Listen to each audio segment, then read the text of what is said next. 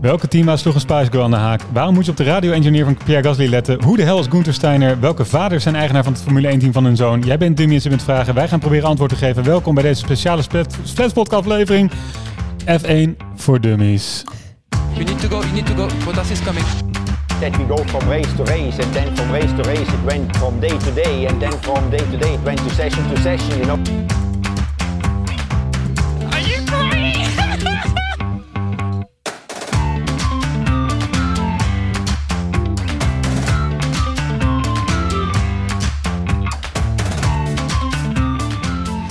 Hallo allemaal en welkom bij deze speciale aflevering van de Flats Podcast, waarin de meest amateuristische experts van Nederland je bijpraten over de zin en vooral onzin van de Formule 1. Deze aflevering eh, is onderdeel van onze speciale zomerserie Formule 1 voor Dummies, waarin we al jullie dummyvragen beantwoorden. Zoals je van ons gewend bent, gaat het in deze serie niet over de droge technische feitjes, maar wel over de echt onbelangrijke zaken en randzaken in de Formule 1, zodat jij straks net als ons een mede-amateur-expert mag noemen. Dus ja, je, je struikelde even in de intro, P. ja, ik mocht hem niet opnieuw doen, Bram. Volgens mij vond je hem leuk, hè? Dan laten we hem gewoon Nee, staan. Toto heeft de regie weer strak onder controle Oké, hoor. nou, Hey, dus jongens, dat- ik ben- one take, guys, one take. Ik wil eventjes mijn eh, positie als host wel behouden. Dus ik wil ook niet dat jullie het te goed doen. Nee. Nou, laat dan maar staan. Laat Vandaar. dan maar staan. Ja, en we zijn eh, vandaag aangekomen bij de laatste dummy-aflevering. We hebben eerder de race-regels benaderd, de achtergrond van de Formule 1 in brede zin. En vorige keer hebben we de eerste vijf teams en hun coureurs voorgesteld aan jullie. En nu is het eh, tijd voor deel 2 daarvan. Dus wij staan vandaag stil bij de nieuwere teams, de jongste teams als het ware eh, op de racekalender. En die gaan we één voor één af. Ja, dus jij zit nog steeds bij je schoonouders. Je schoonvader of schoonmoeder is, blijkt nog steeds een enorm Formule 1 te zijn. En om toestemming toegelaten te worden tot je schoonfamilie, moet je echt even mee kunnen praten. Dat is eigenlijk de situatie waar we in zitten.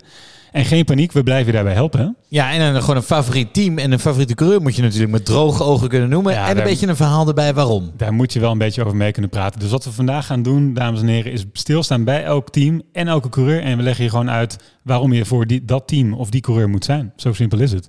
En om het een beetje luchtig te houden en om te voorkomen dat wij afdwalen, wat we gemakkelijk doen, is er een gaapknop. En die kan een van ons inzetten als de ander te langdradig doorgaat over een bepaald onderwerp. Dus laten we dat even met elkaar afspreken. De vijf teams die we vandaag gaan benaderen zijn eh, eh, Red Bull, Haas, Alfa Tauri, Aston Martin en Alpine. En we gaan beginnen eh, met Red Bull.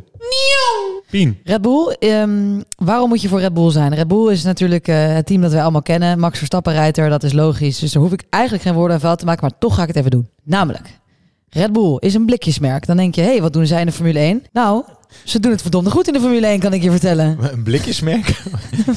Ze rijden met blikken misschien, maar het is een frisdrankmerk, toch? Energiedrankmerk. Je hebt helemaal gelijk. Ik snap hem, ik snap hem. Nee, maar goed, ja, ik Ja, weet niet hoe dummy Het is mensen ook heel zijn. raar als je kaas verkoopt, zeg ik ook niet met een plastic merk. Ja, ik snap op zich wel wat je bedoelt. Ehm, in ieder geval, ze verkopen blikjes met ehm, frisdrank erin inderdaad. Maar toch hebben ze hun overstap gemaakt naar de Formule 1. Ehm, het zijn ook wel een beetje de herrietrappers, herrieschoppers, blikjestrappers, de blik op de weg, blikvangers. Eh, alles met blik eigenlijk. Ehm, maar goed, wat maakt ze nou zo leuk? Is dat ik vind ze dus altijd een beetje de underdogs, ook al zijn ze dat niet meer. Eh, ze trappen overal een beetje dus tegenaan. Ze hebben heel veel energie. eh, leuke coureurs altijd. En ik, ja, het is echt een team waarvan je kan gaan houden. Een team met karakter. Een team met karakter. En niet eens zo heel veel historie, maar wel karakter. Het is wel je slechtste grap van de dag nu al, om te zeggen dat dit team veel energie heeft. Ah, die had ze niet eens bedacht. Hoe scherp ben jij? Zit jij in de wedstrijd, Bram? Dat klappertje, dat had ik bijna ingeknupt. Ja, ik ben helemaal met je eens, Piens. Het is wel een team ook wat een beetje tegen de... de ze maken de Formule 1 leuk doordat ze een beetje trappen. En er zijn een paar key figuren erin die daar volgens mij heel belangrijk in zijn. Je hebt ten eerste Christian Horner, de teambaas. Kwam binnen als de jongste teambaas ooit in de Formule 1. Eh, dus op een leeftijd jonger dan ik. En geloof me, Echt? dan ben je echt heel jong. Eh, en hij is... eh, vaak eh, staat hij toch wel als eerste vooraan om prikken uit te delen, met name aan Mercedes. Nou, dan heb je, ik denk, de oudste man in de Formule 1, Helmut Marko. Die, die re- regelt daar al die drivers. Nou, die kan me toch een partij onzin uitkramen en statements maken, met name over andere teams. Altijd herrie in de tent. En dan heb je, en dat vind ik ook wel leuk, de, de echte, de baas van, eh, van Red Bull, heet ook weer Dietrich, Masker nog wat. Moeilijke naam. Eh, maar die bemoeit zich ook vrij direct met dit team. Hè? Ze, ze zitten echt bovenop. Het is heel belangrijk voor het Make Red Bull ook, dat team. Maar die drie samen, ja, dat is gebeurd. De- dus de Formule 1 zou een stuk saaier zijn zonder deze Ja, drie. nee, zonder. Dat team. denk ik ook wel. En het zijn ook wel een beetje de evil boardroom heb je ook wel. Tenminste, dokter, het is ook dokter Helmut Marko. Dat is een echt een hele, hele Duits of Oostenrijkse eh, accent heeft hij ook. En ik, ik, heb, kennen jullie die, die serie Phineas en Ferb, die tekenfilm? Nee? Nee. Nou, oké, daar heb je dus ook zo'n Duitse dokter, die heet dokter Dovenschmerz. Die heeft ook het hele snode plannetjes heeft hij altijd met zijn coureur, met zijn, eh, in zijn fabriekje in ieder geval. En dat heeft, het, zo zie ik dokter Helmut Marko in ieder geval. Ja. Voor de jongere luisteraars onder ons, die weten wat ik bedoel. Oké. Ja, en wat, wat ik knap vind, Red Bull is geen fabrikantenteam. Hè. Normaal gesproken is, eh, neemt motoren, koopt motoren in van anderen. Heeft dat jarenlang gedaan met Renault. Maar eh, heeft daar ook gewoon succes mee behaald. Eh, hè, met Sebastian Vettel vier keer wereldkampioen geworden. Nu met Honda. Gaat mogelijk weer gebeuren. En wat dan ook nog eens heel vet is. Zij gaan die motor ook in eigen beheer doorontwikkelen. Want Honda stopt ermee aan het eind van dit jaar. En dan gaat Red Bull als ware fabrikantenteam gaat verder met de ontwikkeling. Dat vind ik ook wel echt gaaf. Ja, gaat dus een frisdrankmerk, gaat, Gaat motoren gaat ontwikkelen. motor- zijn eigen motor... Ja, dus, nou ja. Dus Het is wel, als je het dus hebt over onze hobby bijvoorbeeld die dan uit de hand is gelopen, dat is bij Red Bull volgens mij ook wel een beetje het geval in ieder geval. Daar is het echt een beetje uit de hand. gelopen. Maar ze zijn inderdaad heel succesvol geweest. Ik vraag me af welke motor ze hadden toen ze kampioen zijn geworden. Weten jullie dat? Was dat niet ook gewoon Renault? ja, was Renault, Oh, dat zeker. was Renault. Ja. Voordat Renault die, die relatie heel zuur werd. Voordat de witte roken uit de schoorsteen kwam Ja, oké. bij Renault? Oké. Nee, ja, goed. Ehm, maar en ze zijn dus weer natuurlijk op hun retour naar succes weer. ehm, samen met eh, Max Verstappen. Waar ik zo nog op terugkom. Maar Christine Horner, ook niet onbelangrijk figuur, wat je net al zei. Getrouwd met een Spice Girl. Baby Spice. Nee, niet Baby Spice. Dat vindt, vooral, Ginger Spice. dat vindt vooral jij heel mooi bij hem, Bram. Ja, ja. Ja, hij is een beetje het- het ultimum, vind jij, van wat een man kan worden, toch? Nou, gewoon dat hele gezin. Gewoon hij, de jongste teambaas ooit in de Formule 1 van wat ik vind het vetste team qua imago. Eh, het meest, hè, met dat Harry Schoppende team. Zij, een oud Spice Girl die ook nog steeds optreedt. Nou, sorry, als Dat je, als dat je ouders zijn. Ja, Ja, dat is rock'n'roll. toch? Ja, dat is wel heel vet. Ja, Wat doen jou, ja, bij dat klassenrondje van die kinderen, wat doen jouw ouders? Ja, dan, Ja, dan heeft hij wel, no heeft- die hebben die kinderen wel echt gewonnen, ja. die zou ik aan het eind van het rondje doen. Dat de rest nog, nog steeds iets wil zeggen. Wat goed. Ja, ik vind jou ook wel eigenlijk echt een teambaas. Nou, ik zeg het je, we komen er misschien zo nog op terug, maar goede teambaas ben jij. Zou je, zou je echt zijn? Zou ik lang niet slecht vinden hoor. Nee, een beetje Dr. Helmut Marko vibes. Oeh, ik denk dat het toch tijd is om door te gaan met de coureurs. Precies, we gaan eventjes door naar de eh, eerste coureur. De eh, man, myth, legend himself, Max Verstappen. We kennen hem allemaal, maar toch eventjes goed om stil te staan bij wat voor een uitzonderlijk talent deze jongen is. Want dat is nog een jongen. Hartstikke jong. Hij is in een kart getrapt door zijn vader waarschijnlijk voordat hij kon praten. Eh, en toen is hij heel, heel snel gaan rijden. En dat is ehm Helmut Marko ook opgevallen. Die heeft hem al vroeg bij het Red Bull team gevoegd. En hij heeft een klas overgeslagen. Dus hij is van de Formule 3 naar de Formule 1 gegaan. Wat normaal, Best dat is nog nooit gebeurd. Ja. Op zijn 17e, voordat hij zijn rijbewijs had, zat hij al in een Formule 1 auto. Heeft hij in zijn eerste seizoen en een promotie gemaakt naar het hoofdteam van Red Bull. En heeft hij zijn eerste Grand Prix gewonnen als jongste Grand Prix winnaar ooit. Spanje 2016, toch? Barcelona 2016. Ja, Barcelona 2016. Deze jongen heeft in Nederland sowieso de sport groot gemaakt en wereldwijd de sport ook echt, eh, echt eh, bijzonder gemaakt. En ik denk alleen maar, dit is een jongen die je kan blijven volgen, want hij gaat nog wereldkampioen worden. Dus what's not to love? Wat vinden jullie? Deze man maakt de sport in Nederland ook zo groot. Ik wil niet zeggen dat hij de reden is dat wij deze podcast maken, maar hij heeft er zeker een bijdrage aan geleverd. Ja, ik moet wel eens denken, eh, heeft deze man... eh, hoe was het de jeugd van Max Verstappen? Heeft hij ooit een keuze gehad? Maar wat je al zei, hij is waarschijnlijk in die kart getrapt door, eh, door zijn vader. Maar dat is vaak wel het recept tot een groot coureur worden. Is dat je vader er waarschijnlijk ook iets mee, mee had. Ja, het zitten wel meer zoontjes van natuurlijk in de Formule 1. Eh, ik denk ook wel dat, ik, dat hij mijn favoriete coureur was geweest als het geen Nederlander was geweest. Gewoon zijn rijstijl, zijn houding, zijn... ehm, ehm, het, eh, de, de, er is een slogan in de Formule 1 gekomen, hebben we het wel eens vaker over gehad. Let them race. Dat was niet voor niks na een moment met Max Verstappen erin. Ja. Want wat hij deed, was gewoon iedereen inhalen. En gewoon ze opvreten en uitspugen. Soms iets te hard, heeft de wedstrijdleiding ingegrepen. Maar de regels zijn ook meer zijn kant op gebogen. Om meer inhacties mogelijk te maken. Ja, dat is toch schitterend. De VIA heeft eigenlijk zijn handen vol gehad aan Verstappen om een, de race en ook de regels een beetje te bu- buigen en vormen naar wat die man allemaal liet zien eigenlijk. Komt Ja. neer. Ja, en daarom is hij onvergetelijk in de Formule 1. Ja. Hij is gewoon zo'n harde sloopkogel zonder al te veel emotie en poespas. Want het enige wat hij eigenlijk wil is rondjes rijden. En dat doet hij echt met verven. En zijn, eh, ik denk dat zijn grote wereldwijde doorbraak was die regenrace in Brazilië. Weet je die nog? Ja, buitenom. Ja. Ja. dat was bizar. Toen hij helemaal achteraan het veld kwam door een pitstop, of in ieder geval ver achteraan. En binnen een paar rondes weer op de derde plek lag. Omdat dat hij gewoon lijnen reed die onmogelijk waren. Ja. Inclusief een spin die die weer recht trok, net, net voor de bandenstapel. Ja, het is een ongelofelijke race. Eh, wereldwijd faam. En eh, toch ook wel bijzonder dat die Red Bull trouw is gebleven. Hè? Want ik heb best wel een paar keer gedacht, gaat de, moet deze kerel niet verder? Hè? Zeker in de jaren dat het minder goed ging. Maar hij is Red Bull trouw gebleven. En nu gaat dat zich mogelijk uitbetalen. Ook dat vind ik wel een vet verhaal. Hij is Ja. eigenlijk loyaal geweest naar, eh, naar Red Bull. Het enige, denk ik, wat hij dan niet heeft, is dat hij nooit meer de jongste Formule 1 wereldkampioen kan worden. Ja, dat is dan dat- het enige dat- wat hij dat niet zal gaat doorbreken. Verstappen kennende zal hij heel jammer vinden. Ja. hij zegt dat het hem niet uitmaakt. Hij zegt dat het gewoon om wereldkampioen gaat. En dat het meer een Red Bull ding was. Eh, maar het is Sebastian Vettel, ja. Maar goed, dat kwam. Dat, bedoel, hij heeft het gewoon niet zelf in de hand. Hij is afhankelijk Nee, van de auto. Dat is het, inderdaad het nadeel van de Formule 1. Ja. Niet altijd in controle. Wie er eh, tegenwoordig eh, wel in controle is, wat een brug, is de tweede coureur van Red Bull, namelijk Sergio Perez, ook wel Checo genoemd. Op goede dagen noemen ze hem Checo, op slechte dagen noemen ze hem Sergio. Zoals jij al een keer in een aflevering hebt eh, uitgelicht, vond ik eigenlijk een interessante bevinding. De man komt uit Mexico, eh, is een van de weinige coureurs die met eigen sponsoren de Formule 1 heeft gehaald. Het is een eh, Mexicaanse, ehm, een Mexicaans bedrijf die heeft hem heel erg eh, altijd ondersteund. Ja, stel zelf van Carlos Slim. Carlos Slim, dat is ongeveer de rijkste man van, eh, van Latijns-Amerika. Ja, en die heeft altijd geloofd in Sergio Perez en die heeft hem ondersteund. Hij wordt altijd het straatvechtertje van de Formule 1 genoemd. Hij is heel goed op de zondag. Hij kwalificeert over het algemeen wat minder sterk. En hij heeft ook een beetje pech gehad in zijn carrière. Dus hij zat eerst bij het voormalige Aston Martin, dat heette toen nog Force India. Daar was hij heel goed en eh, ook boven, boven verwachting resultaten behaald. Maar toen is hij eruit gegooid door een eh, man met een rijke vader.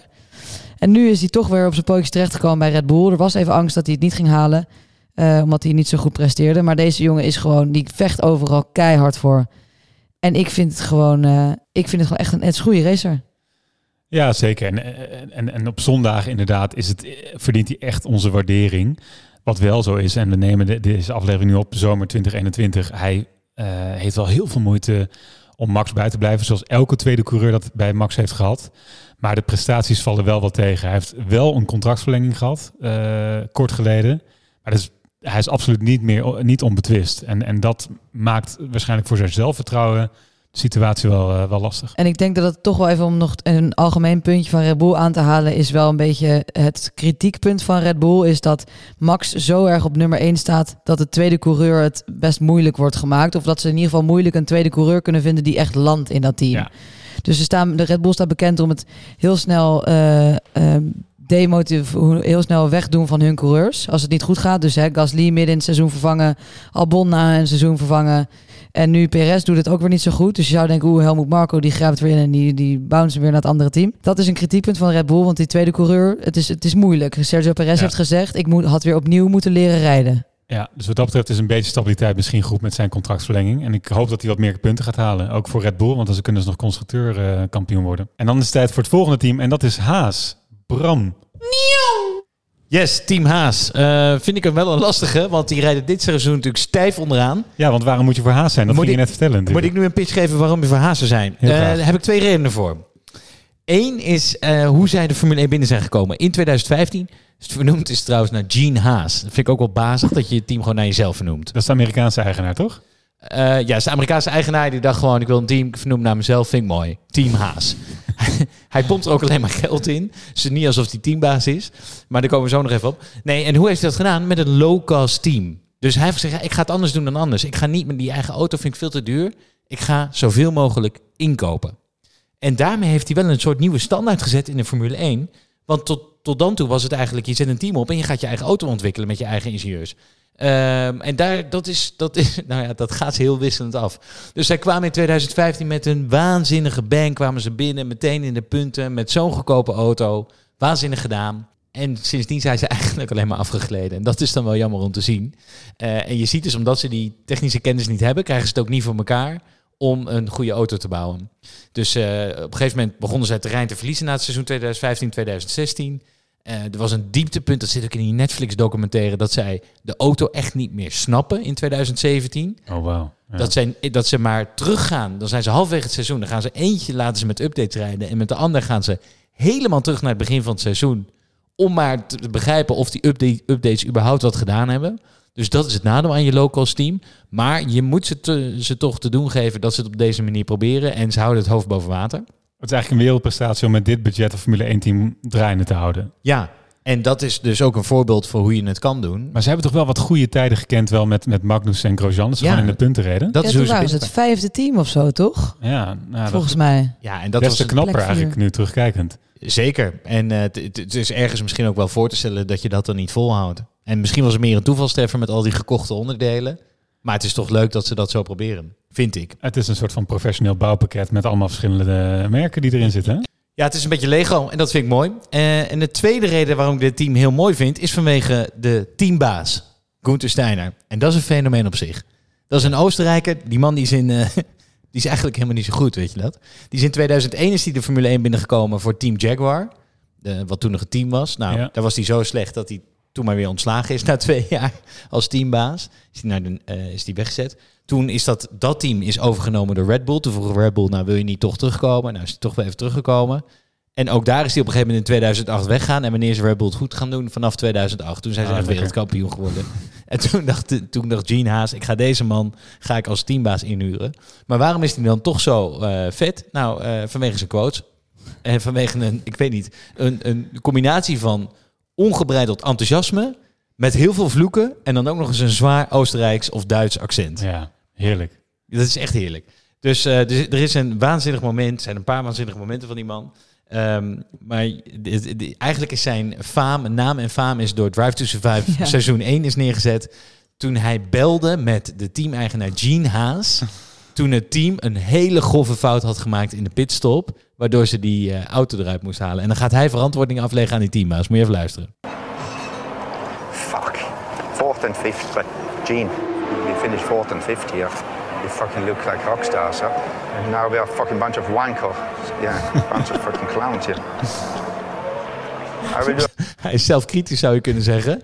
We look like a bunch of fucking wankers. Dit was dus het begin van het verval, eigenlijk, zou je kunnen zeggen. Nou, ik vind dat ook in die serie heb ik altijd dat het meest pijnlijke deel gevonden. Haas, maar in, in een bijzonder Gunther Steiner. Ik vind het ook zo'n bijzondere man om als leidinggevende te hebben. Het ziet er zo ongeorganiseerd uit. Of ik weet niet wat ik ervan moet denken. Maar als je hem als leidinggevende hebt, dan ben je toch. Ja, dan sta je al 1-0 achter, wat mij betreft. Ja, maar hij ademt dus wel de sfeer in dat team. Zeg maar, Ja. dat is het wel. Het is, ik, ik snap wat je bedoelt, want als je dus al instabiele eh, situatie hebt op je werk, dan wil je graag een leidinggevende die daar wat meer stabiliteit in geeft. En dat is niet per se hoe ik hem zie. Maar het geeft in ieder geval wel entertainment. En dat is Ja, toch dat wel ook een beetje waar de sport voor En is. misschien is het ook wel een geniale man, hè? Voor de, voor de tijd dat het wel goed ging. Ja, dat betwijfel ik. Ehm, ik, ik- We kunnen even naar een functioneringsgesprek luisteren, zo zou je dit kunnen noemen. Eh, op het moment dat de twee vorige haascoureurs elkaar van de baan gereden hebben. Let op. fucking had enough of both of you. You let the fucking team down, me down, which I protected you all the time, and I'm not fucking going into who is right and who is wrong. I don't want to. "Yeah, he moved, he did that moved, and all that fucking wank, you know. Gene spends 100 fucking million a year of his own fucking money, which fucking wants to pull the plug and let everybody down because you are two fucking idiots. I have not more to fucking say to you guys, and if you don't like it, I don't need you here. Do not come back, please. Bizar. Tot zover een goed gesprek over twee coureurs die elkaar van de baan hebben gehaald. Ehm, en dan denk je van, nou, dat zal vast een emotie in opwelling zijn. De, lu- luister even naar de jaarlijkse speech die hij geeft aan het hele team om een diner. Dus hier heeft hij echt van tevoren over nagedacht hoe hij zijn toenmalige coureur Romain Grosjean helemaal afbrandt. we are having very promising uh, results, but have very little points. And I think we're all aware of it. The only one having points actually is him, you know. Uh, Romain is not here. May- Maybe he didn't want to come because he had no points, maybe. or maybe I don't invited him because he didn't, doesn't deserve any food. I will tell him tomorrow, by the way, you know, that I said this. So uh, you don't have to run to him and tell him, you know, I'm brave enough. Ah, Zo dit is wel goed. absurd hoor. Dit is wel absurd, ja. Het lijkt me een, een, een bijzondere werkomgeving. Maar precies wat jij zegt, Pien. Ja, het is entertainment. En dat is waarom we kijken. Dus ja, dat is mijn tweede reden waarom je voor dit team zou kunnen zijn. Heel goed. Ik Maar snap het is gewoon echt, je, je, je, je wilt toch zo graag dat zij ooit een keer iets goed gaan doen? Omdat het gewoon zo'n gammele bedoeling is.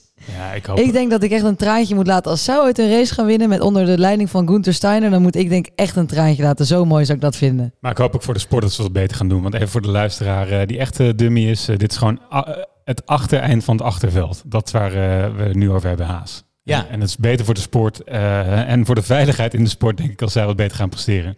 Ja, nou, ik- precies. En dat brengt me ook een beetje naar de twee coureurs die zij in dienst hebben. Ehm, ten eerste, ja, ze hadden twee hele leuke coureurs in dienst. Eh Magnussen en Grosjean. Daar had ik een hele mooie pitch over kunnen geven. Maar die hebben ze allebei ontslagen en ze hebben twee rookies erin gezet. En ik, ja, ik kom, er, ik kom er niet uit, jongens. Dus de eerste is Mick Schumacher. Ik kan echt helemaal niks verzinnen waarom je voor die man moet zijn. Behalve dat zijn vader een levende legende is. Jullie? Ja, goed punt. Eh, Ik vind het echt een hele goede vraag. Ik heb hem nog nooit iets leuks zien doen op de baan.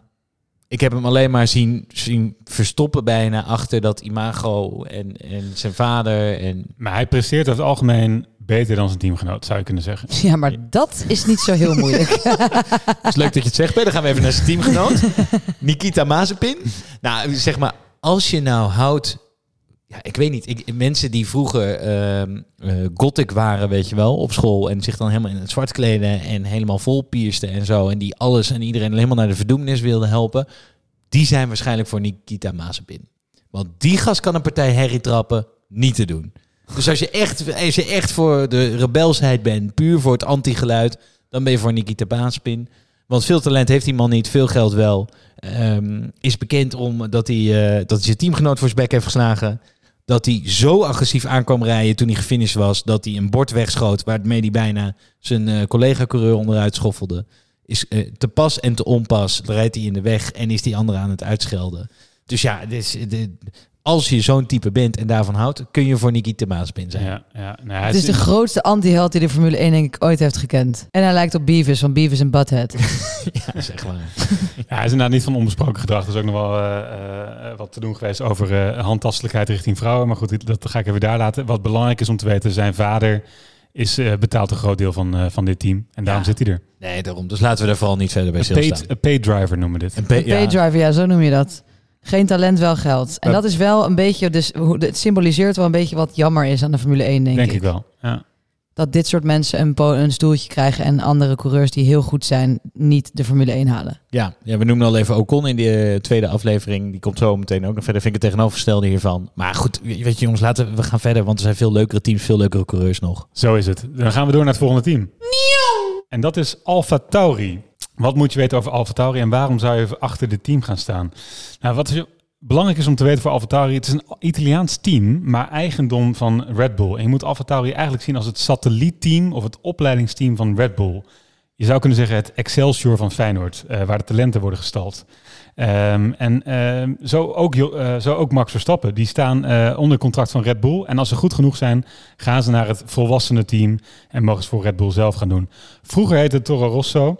Ehm, inmiddels is het gerebrand naar, naar eh, Alfa Tauri. Dat is het fashion brand van Red Bull. Voor de mensen die dat niet wisten. Dat zijn inderdaad truien en horloges. En waarom moet je voor dit team zijn? Nou, misschien omdat het een beetje de, de lefgozertjes zijn. Dit zijn echt de jonge, ambitieuze jongens. Eh, de mensen die eh, tijdens een schoolreisje achterop eh, op de achterbank van de bus zaten. En die nemen het risico en maken dus ook fouten. En dat is in ieder geval goed voor het gemiddeld aantal crashes per jaar, zou je kunnen zeggen. Hoe doen ze het? Hoe presteren ze het? Misschien ook wel een reden om voor Alfa Tauri te zijn. Nou, eigenlijk boven verwachting. Want normaal gesproken zijn ze ongeveer het zevende of achtste team in het klassement. Maar dit jaar staan ze gewoon zesde. En dat is echt bijzonder goed. En dat komt mede door de volgende man. Eh, maar misschien... Sorry. Ehm, wat vinden jullie van Tauri, jongens, voordat ik verder ga? Ja, een knappe prestatie. En, eh, want je, hebt eigenlijk nog niet eens genoemd dat zij bijvoorbeeld ook ge- gebruikt zijn om te testen met die Honda-motor. Een jaar voordat Red Bull er zat. Een hele goeie. Dus zij krijgen, zij zijn opleidingsteam voor de coureurs, maar ze moeten ook de nieuwe technieken testen voor het moederteam. En dat je dan toch beter bent dan fabrieksteams op dit moment als Alpine. Vaak beter dan Aston Martin, met een veel groter budget volgens mij. Ja. Is, een, is een wereldprestatie. Dus wat je zegt, ja, lefgozertjes, het, het maximale uit minimaal halen. Ehm, en dan ook nog eens een keer het Red Bull team, zusterteam, heel goed voeden. Maar wat ik dus me afvraag is dat, ehm, ik weet niet of jullie het antwoord hierop weten, maar je bent dus het kleinere broertje van Red Bull, dus je bent opleidingsteam. Waarom werkt Red Bull? Ze krijgen ook kennis, motoren, dat soort dingen krijgen ze ook hè, vanuit Red Bull. Ja. Waarom zijn ze dan niet beter? Snap je wat ik bedoel? Dus je bent Red Bull en jou, jouw opleidingsteam is, eh is AlphaTauri. Waarom geef je ze dan niet meer, zodat ze niet zeven of achtste worden, maar wel iets hoger? Ik denk dat dat eh, een antwoord is zoals vele vragen in deze sport beantwoord kunnen worden. Gewoon geld, budget. Dus ze hebben gewoon minder geld, hebben zij. Ja, ze krijgen minder budget. En de Formule 1 heeft als regel dat je bepaalde onderdelen als team zelf moet ontwikkelen. Dus zij, kunnen, zij kopen wat ze mogen kopen van Red Bull. Maar zij moeten bepaalde dingen zelf ontwikkelen. En daar hebben ze dus een vrij klein budget voor. Dat is interessant. Inderdaad, bij Haas, dan, dan weet je precies waar dat misgaat. Inderdaad, ja. Dus laten we doorgaan naar de coureurs, jongens. En dan begin ik bij Pierre Gasly. Eh, en waarom moet je voor Gasly zijn? Nou, eigenlijk om het volgende. Dat is de comeback kit. Ehm, hij heeft ooit, is hij bij Toro Rosso gestart. Dat is eigenlijk eh, het voormalige Alfa Tauri, zijn huidige team. En is toen in 2019 gepromoot naar Red Bull om Ricciardo te vervangen en achter Max Verstappen te gaan plaatsnemen. En daar kreeg hij het heel moeilijk. Hij finishte vaak zelfs een ronde achter Verstappen. En kwalificeerde ook maar één keer beter dan Verstappen. Waardoor hij halverwege het seizoen, ontzettend pijnlijk, al gedegradeerd werd, teruggezet werd naar zijn vorige team. Eh, wat dus nu Alfa Tauri is. En hier is denk ik waarom je reden moet zijn van Gasly. Daar heeft hij zich zo ongelooflijk herpakt. Want wat een mentale dreun is dat je we- geweest. Dat je net gepromoveerd wordt, direct weer wordt teruggezet na een half jaar. En nu, hij lijkt als herboren. Hij overtreft alle verwachtingen. En eh, rijdt, nou, laten we zeggen, eh driekwart van de punten van het team bij elkaar. En waarom, eh, waarom moet je nog meer voor Gasly zijn? Dat is misschien wel mijn persoonlijk favoriete reden. Dat is om zijn, eh, om zijn radio engineer. Die heet Pierre Hamelin. En dat is een van de weinige niet soepel Engels sprekende radio engineers. En luister even mee wat dat oplevert. No idea other than that. On the good old Fail 84, sorry for that. Fail 84, thank you. Oh, your move on Leclerc was amazing. Amazing, I love this. Ja. dat is toch heerlijk. Dit Franse accent die hier continu over de boordradio gaat. Ik, vind, ik, ik hou ervan. Ik hou ervan. Ja, het is, ze hebben daar per ongeluk een fan achter de microfoon gezet. en niet een engineer. Ja. Die zich al heel lang voordoet als race engineer. Hey. Maar uh, on a more serious note, ik, je hebt helemaal gelijk over dat comeback kit, weet je dat? En ik vind het, ik, vind- ja, inspirerend. Ja, ik vind het eigenlijk wel echt inspirerend. Ik denk dat heel veel mensen die luisteren eh, eh, zichzelf herkennen of collega's herkennen als je al een bepaalde promotie op werk niet krijgt. Laat staan dat je een demotie krijgt. Ik denk dat heel weinig mensen dat meemaken. Ja. Hoe je in zak en as zou zitten. Hoe je zou denken, krijg allemaal maar de kleren. Ik kap ermee. En hij denkt dat niet. Hij heeft een knop omgezet en zegt nee, ik ga me herpakken. En doet het op zo'n manier dat hij een race gewonnen heeft met Alfa Tauri. Dat is een voorbeeld, niet alleen vind ik in de Formule 1, maar ook daarbuiten. Ja, het is gewoon, dit is hoe sport emotie is. Denk ik. Het is gewoon het perfecte redemption verhaal van je wint een race met je oud team. Het enige wat ik wel sneu vind, is dat hij dan niet die... Weet je, als dit een film zou zijn, dan zou hij zijn dip hebben gehad en nu zijn terugkomst. Maar hij krijgt dan net niet weer dat stoeltje bij Red Bull terug. Want dat is toch wel een beetje waarom je bij Alfa Tauri zit, toch? Om Ja. uiteindelijk naar Red Bull Ja, te gaan. ja, je hebt zo'n Yuki Tsunoda, kom je zo op. Die is jong en die, het, uiteindelijk is het doel dat hij naar Red Bull gaat. En dat is toch wel spijtig dat zo'n Gasly dat dus niet gegund wordt. Nou, Gasly's in- situatie is inderdaad interessant, zeker door het verlenging van het contract van Perez. Maar hij is 25 jaar oud en hij verdient een, een volgende stap, zou je kunnen zeggen. Maar op dit moment zit hij wat vast, want hij zit inderdaad onder een Red Bull-contract. Dus de normale stap is Red Bull. De vraag is of ze hem dat eh, nog gaan gunnen. Ik denk dat het film nog niet is afgelopen. Dat denk ik ook niet. Hij heeft talent, hij kan rijden. En misschien is het niet Red Bull, misschien is het een ander topteam. Maar hij gaat, we gaan sowieso meer horen van Pierre Laten we het hopen, want wij zijn wel fan eh, van Pierre. Dan gaan we door naar eh, de tweede rijder van, eh van Alfa Tauri. Dat is eh, Tsunoda. En dat is ook wel echt een bijzonder figuur eh, op eh, de grid. Yuki de Rookie wordt hij genoemd. Het is een ruwe diamant. Eh, laat ik zeggen, een wel hele ruwe diamant. Eh, want hij heeft talent, maar dat ruwe bedoel ik eigenlijk ook zijn taalgebruik mee. Want eh, deze man schiet er wel eens uit op de boordradio. Laten we even luisteren naar een voorbeeld. Box, box. P16 naar Yuki. P16. I can't fucking believe this car! Nou, het is, veel, het is veel van deze toon. En dat was met name aan het begin van het seizoen echt wel een beetje een probleem. Dat zijn radio-engineers hem echt moest sussen van Yuki, eh, calm down.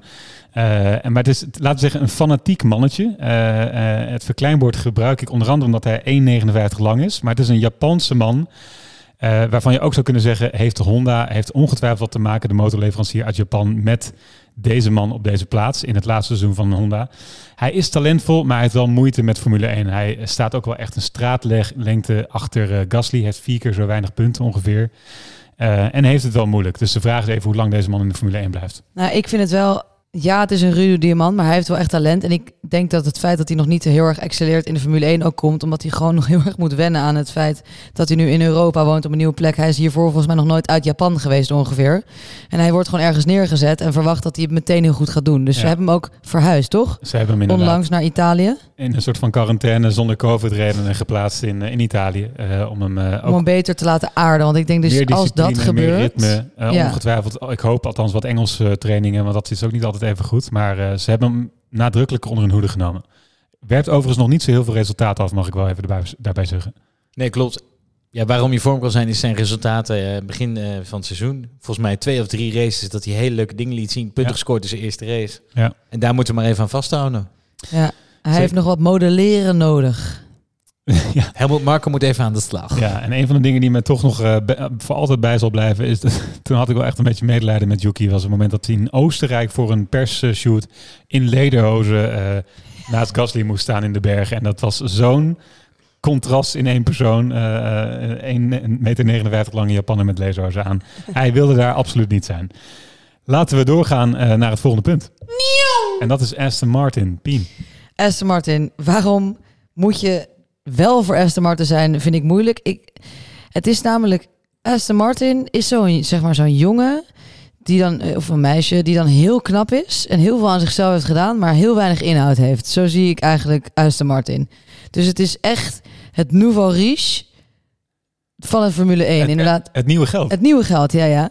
Het nieuwe geld, waarin dus, waar jij zei, dus Ferrari is het oude geld, eh de oude kak. En dan heb je dus Aston Martin, die hebben gewoon heel veel gekocht. Maar wat we allemaal hebben geleerd, money cannot buy class.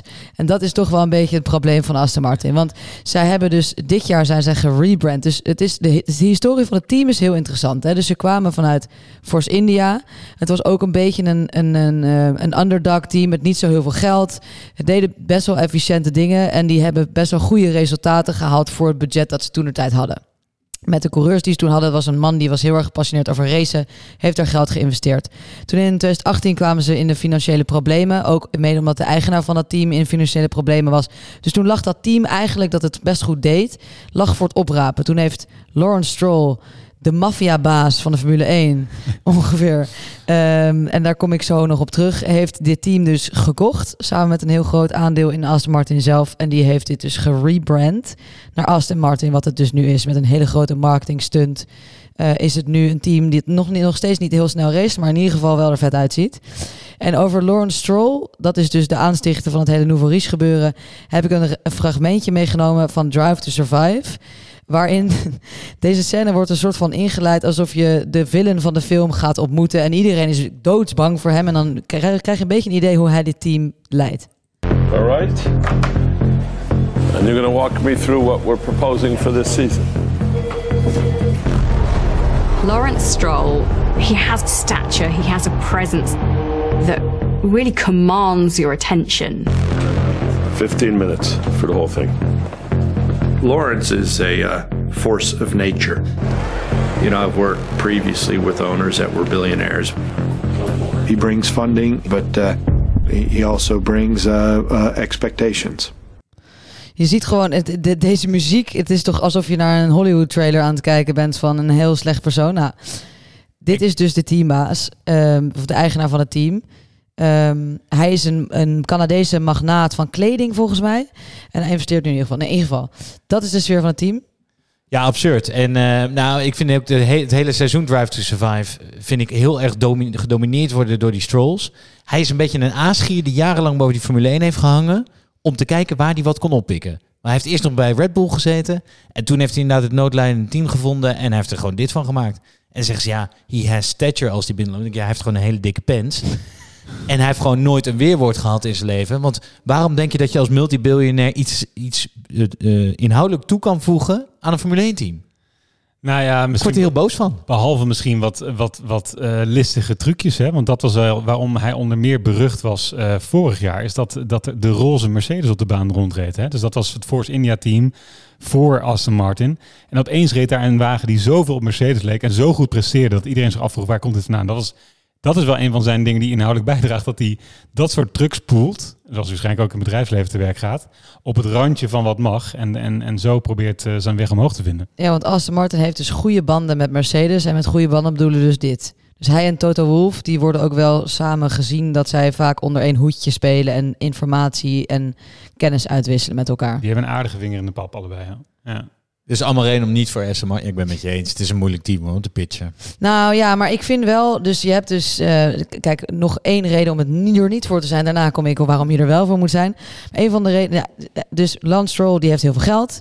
En die heeft ook een zoontje. En die race ook. En die heeft hij natuurlijk overal meegenomen. En dus ook naar Aston Martin. Mensen vinden hem over het algemeen, mensen vinden Canadezen altijd echt heel aardig. Maar niemand vindt Lance Stroll eigenlijk een aardige vent. Dat is wel, eh, nou, hij is het zoontje van niemand denkt dat hij eigenlijk kan racen. Maar ik wil toch eventjes ver- vermelden dat hij best wat kan. Hij was voor, net na zijn 18e verjaardag zat hij eh, in de Formule 1. Voordat hij eindexamen had gedaan. Hij had geen rijbewijs. Hij was de jongste rookie tot nu toe op het podium geweest. En hij heeft toch wel wat podia. En hij heeft, eh, hij heeft pole position behaald. Dus hij kan wel iets. En hij is heel goed in de regen. En Bram, jij hebt zelf ooit een keer tegen mij gezegd... de regen onderscheidt de echte coureurs van de slechte coureurs. Dus als het feit dat hij heel goed is in de regen... zegt misschien nog wel dat hij wel iets meer kan dan niks. Eens. Eh, dus inderdaad, eh, in tegenstelling tot Mazepin is dit een coureur die wel wat kan.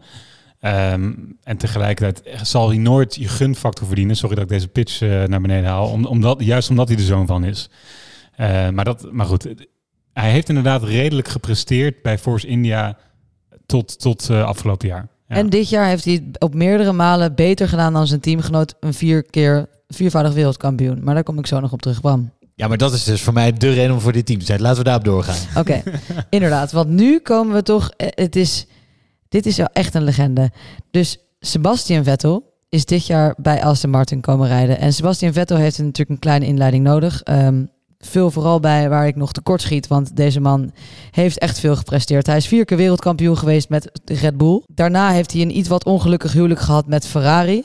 En nu is hij dus op zijn eh, retour bij Aston Martin. Eh, de, de man is de jongste wereldkampioen ooit. Dat gaat Max Verstappen dus nooit meer van hem afnemen. En, maar dat niet alleen. Want hij kan racen en hij is supersnel. Maar hij is ook de vader van de Formule 1. Hij is een coureur, hij is een steward, hij is een inspector, want hij checkt altijd alle auto's. Hij ruimt alle zooi achter zich op als hij crasht. Dat doet hij als enige. Wat kan ik nog meer over zeggen? Hij, hij blust zijn eigen auto's. Hij is de mentor van kleine Schumacher. Hij is gewoon de, de geestelijk vader van de Formule 1 voor mij. Echt een hele bijzondere man op en buiten de baan. In de Ferrari-tijd had je nog wel zoiets van... Ja, zat er ook wat frustratie natuurlijk. Zat hij niet lekker op zijn plek. Was, kwam het niet zo naar buiten. Maar hij is binnen Aston Martin goed geland. Hij heeft volgens mij geaccepteerd dat hij in de laatste seizoen, seizoenen zit van zijn carrière. En besluit om zijn rol ten volle te benutten. Waar Hamilton het ook allemaal heel groots doet. eh, met het eh, We Race as One verhaal en, en Black Lives Matter. Doet hij eigenlijk hetzelfde, maar heel klein. Kleine gebaren. Hij gaat afval oprapen op die tribune. Hij gaat eh, naar die, weet ik veel nou, een, een of andere boerderij. Gaat hij vrijwilligerswerk doen in Oostenrijk tussen de Grand Prix in. Ehm, en al die kleine dingetjes. En dan, ja, dat, eh, hij blust inderdaad zelf die auto. Hij remt zijn eigen shit op op de baan. Ja, dat, dat, is, dat vind ik ook inspirerend op een hele mooie manier. Als er iemand een imago-omslag heeft gemaakt dit jaar, is het Sebastian Vettel.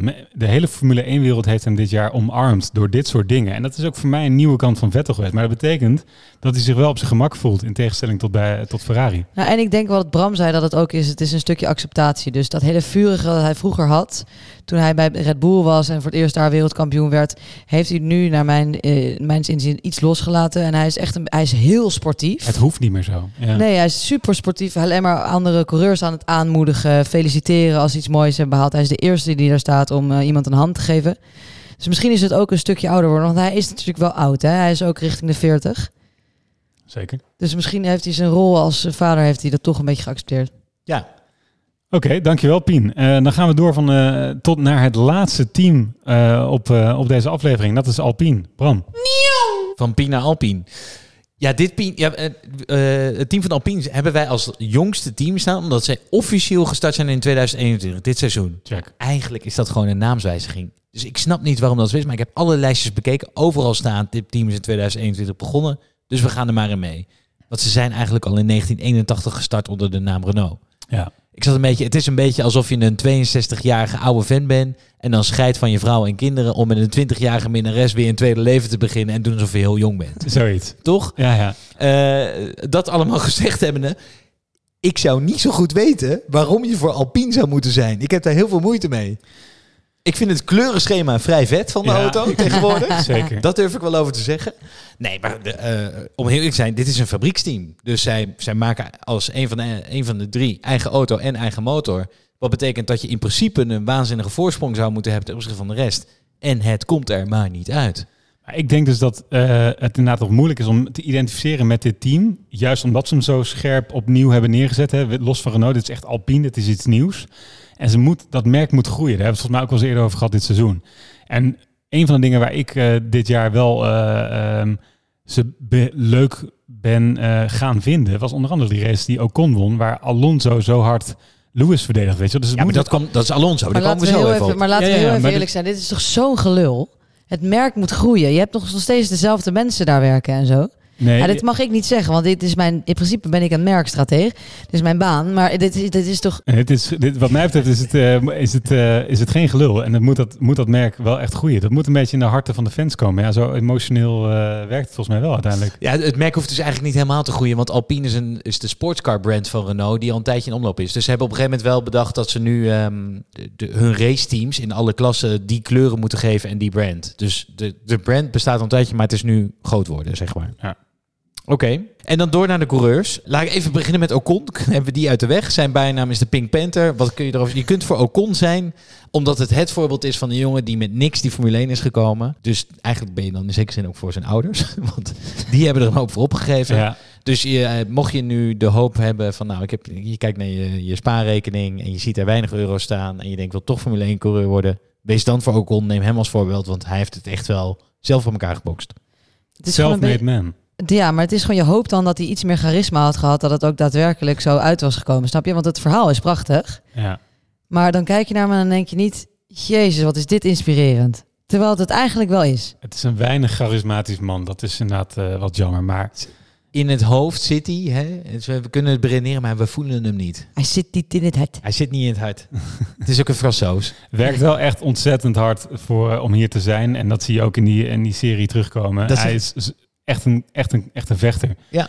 En heeft een ziek lang contract gekregen bij Renault. Dus we gaan nog drie jaar mee doen. En heeft ook ziek lange ledematen. Vandaar dat hij de Pink Panther heet. Een contract net zo lang als eh, ledematen. Nee, waar ik eigenlijk meteen naartoe wil, laatste coureur van de dag, is de oudste, Alonso. Ja. Ehm, een man met mega, mega, mega, mega, mega veel talent. Is, de coureur, eh, is in 2001 al begonnen in de Formule 1. Is er even uit geweest in 2019 en nu weer terug bij het team van Alpine om daar weer mee verder te groeien. Eh, nu de aanvoerder van het pensioenpeloton, nu Kimi Räikkönen ermee gestopt is. Maar waarom zou je nou voor hem zijn? Nou, hij is een beetje, ehm, hij is de pechvogel in zekere zin van de Formule 1. Oké. Ja, Leg- serieus. Licht toe, Bram. Hij heeft altijd de verkeerde teams gekozen. Dus deze man is een grootheid. la- had een grootheid kunnen zijn aan la Hamilton en aan la Schumacher. Maar steeds verkeerde keuzes, want let op. Hij debuteert bij Minardi en Renault 2001, het zal allemaal wel. Hij is de man die de hegemonie van Schumacher doorbrak. Dus je had heel lang Michael Schumacher en hij was de eerste wereldkampioen daarna met Renault in 2005 en 2006. Well done, zou je zeggen. Mhm. Dan in 2007 eh, wordt hij op één punt na geen wereldkampioen. In dat seizoen eindigt Kimi Räikkönen van Ferrari met 110 punten en Hamilton en Alonso allebei met 109. Alonso toen in Ferrari? Eh, nee, samen met Hamilton bij McLaren. Ik zet even mijn WhatsApp uit. Ehm, en hij krijgt op dat moment bonje met Hamilton bij McLaren. Ja, dat is waar ook. Dus hij gaat weg. En wie wordt er het seizoen daarna wereldkampioen in die McLaren? Hamilton. Ja. Nee, want hij gaat eh, terug naar Renault. Hij had natuurlijk gewoon moeten blijven. Vervolgens gaat hij in 2009, maakt hij de overstap naar Ferrari. Denk je, nou, knettervet, weet je wel. 2010 tot 2014 rijdt hij bij Ferrari. Maar ja, waar had hij natuurlijk eigenlijk naartoe moeten gaan? Naar Red Bull. Want die hadden toen de allerbeste auto. Dus hij rijdt in een tijd bij Ferrari dat eh, Red Bull onverslaanbaar is. Dan denkt hij van, nou jongens, eh, ik geloof het allemaal wel. Ik, ik, het is 2015, hybride tijdperk begin. Weet je, weet je wat? Ik ga terug naar McLaren. Want ik ben er ooit weggegaan op het moment, had ik niet moeten doen. Ik ga gewoon terug naar ze. Nou, in 2015 tot 2019 rijdt hij voor McLaren. Ja, en hij had natuurlijk bij Mercedes moeten zitten. Want zij, zoals we allemaal weten, hebben met Lew- Lewis Hamilton toen alles gepakt. Ja. En McLaren is echt door een diep, diep, diep, diep dal gegaan. In die tijd dat Alonso er zat. dus ja, overal waar die man komt, eh, stort de boel elkaar. Wat dat betreft geen goed nieuws van Alpine. Maar hij is dan ook wel een eh herrieschop hoor. Want ik heb nog wel een fragmentje gevonden. Eh, moet je maar heel kort luisteren. Het fragment zelf is niet zo bijzonder. Maar hij zegt hier GP2 engine. Ik zal het even eerst laten horen en leg ik het daarna uit. GP2 engine. GP2. Dit is in de race in Japan. Terwijl hij een Honda motor achter in zijn auto heeft liggen. Die Honda motor doet het, of in zijn auto, die Honda motor doet het niet zo goed dat seizoen, dat is wel bekend. En hij noemt het daar een GP2 engine. Wat een veel lagere raceklasse is. Ja, wat, nou ja, en de, de- degene daaronder. Ja. Is, eh, en dat is zo'n grote belediging geweest voor, ehm, voor dat Honda-team. Ja. Die daarna zijn samen gaan werken met Red Bull, zijn gestopt bij McLaren. Dat is echt een, echt een dieptepunt voor Honda. Dat dit zo wereldwijd bekend is geworden. Maar dat heeft die gasten wel gemotiveerd om een goede motor te bouwen. En wie profiteert daarvan? Verstappen? Niet, Max Verstappen. niet Alonso. Nee, dus eh, nee, niet Alonso, nee. Maar goed, daarom zou je dus ook voor hem kunnen zijn. Ehm, en waarom kan je dan nog meer voor hem zijn? Nou, hij heeft dus echt een bloedhekel aan Hamilton. Door dat, eh, door dat ene seizoen samen met Ja. Hamilton. Eh, en is dus nu ook groot fan van Verstappen in die titelstrijd. Omdat hij het Hamilton gewoon niet gunt. Maar eh, wat je zegt is een bizar eh, een man met ontzettend veel talent. Maakt veel, heeft blijkbaar veel verkeerde keuzes gemaakt. En toch, dat wil ik wij benoemen, tweevoudig wereldkampioen. Dit is wel iemand in de, in de, eh, op de Ball of Fame van de Formule 1 natuurlijk. ja, zeker. Nee, daar is niks op af te dingen. Maar het is gewoon, dit, dit zegt wel hoe spannend het is om voor een team te kiezen. Hè? Dat wordt denk ik echt onderschat. Ik Cruciaal. bedoel, zo'n Hamilton die werd voor gek verklaard dat hij toen naar Mercedes is gegaan. Omdat het helemaal niet een goed team was. En kijk hoe dat heeft uitgepakt. Dus je weet het gewoon echt niet. Het is die 80-20 regeling hè, van de eerdere dummy-aflevering. Dus het is een cruciale keuze in welke auto je rijdt. Wat ik wel nog heb bij Alonso en Imago, misschien een beetje een lijn knipoog naar Vettel. Bij McLaren vond ik het eh, geen sympathie- sympathieke man, zo kwam hij althans niet over.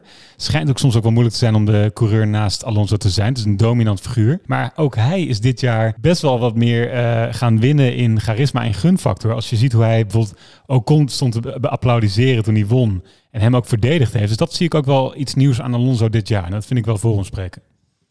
Ja, het is een beetje dat, dat pensioenpeloton komt dan terug met het idee... we gaan toch we Met- gaan lekker rondjes rijden. Het, het tederheids. eh, het is een beetje het veteranen. Het is echt een beetje veteranenhockey, weet je wel. Dat is ook een stuk gezelliger dan de hoofdklasse. Zouden ze ook met z'n drie een biertje drinken na de race? Nou, dat zou wel kunnen. Ja. Hey, ehm, volgens mij is dit een hele mooie afsluiting, jongens. Eh, we, gaan, eh, we gaan afronden. En daarmee zit het er weer op. Heel veel dank voor het luisteren naar deze laatste aflevering van de Voor Dummies aflevering. Luister ook nog naar de aflevering waarin we de oudste vijf teams besproken hebben. En natuurlijk onze aflevering met insights in de race en de achtergrond van de Formule 1. En tune natuurlijk in voor de eerstvolgende racebeschouwing. Elke maandagavond na de race direct beschikbaar.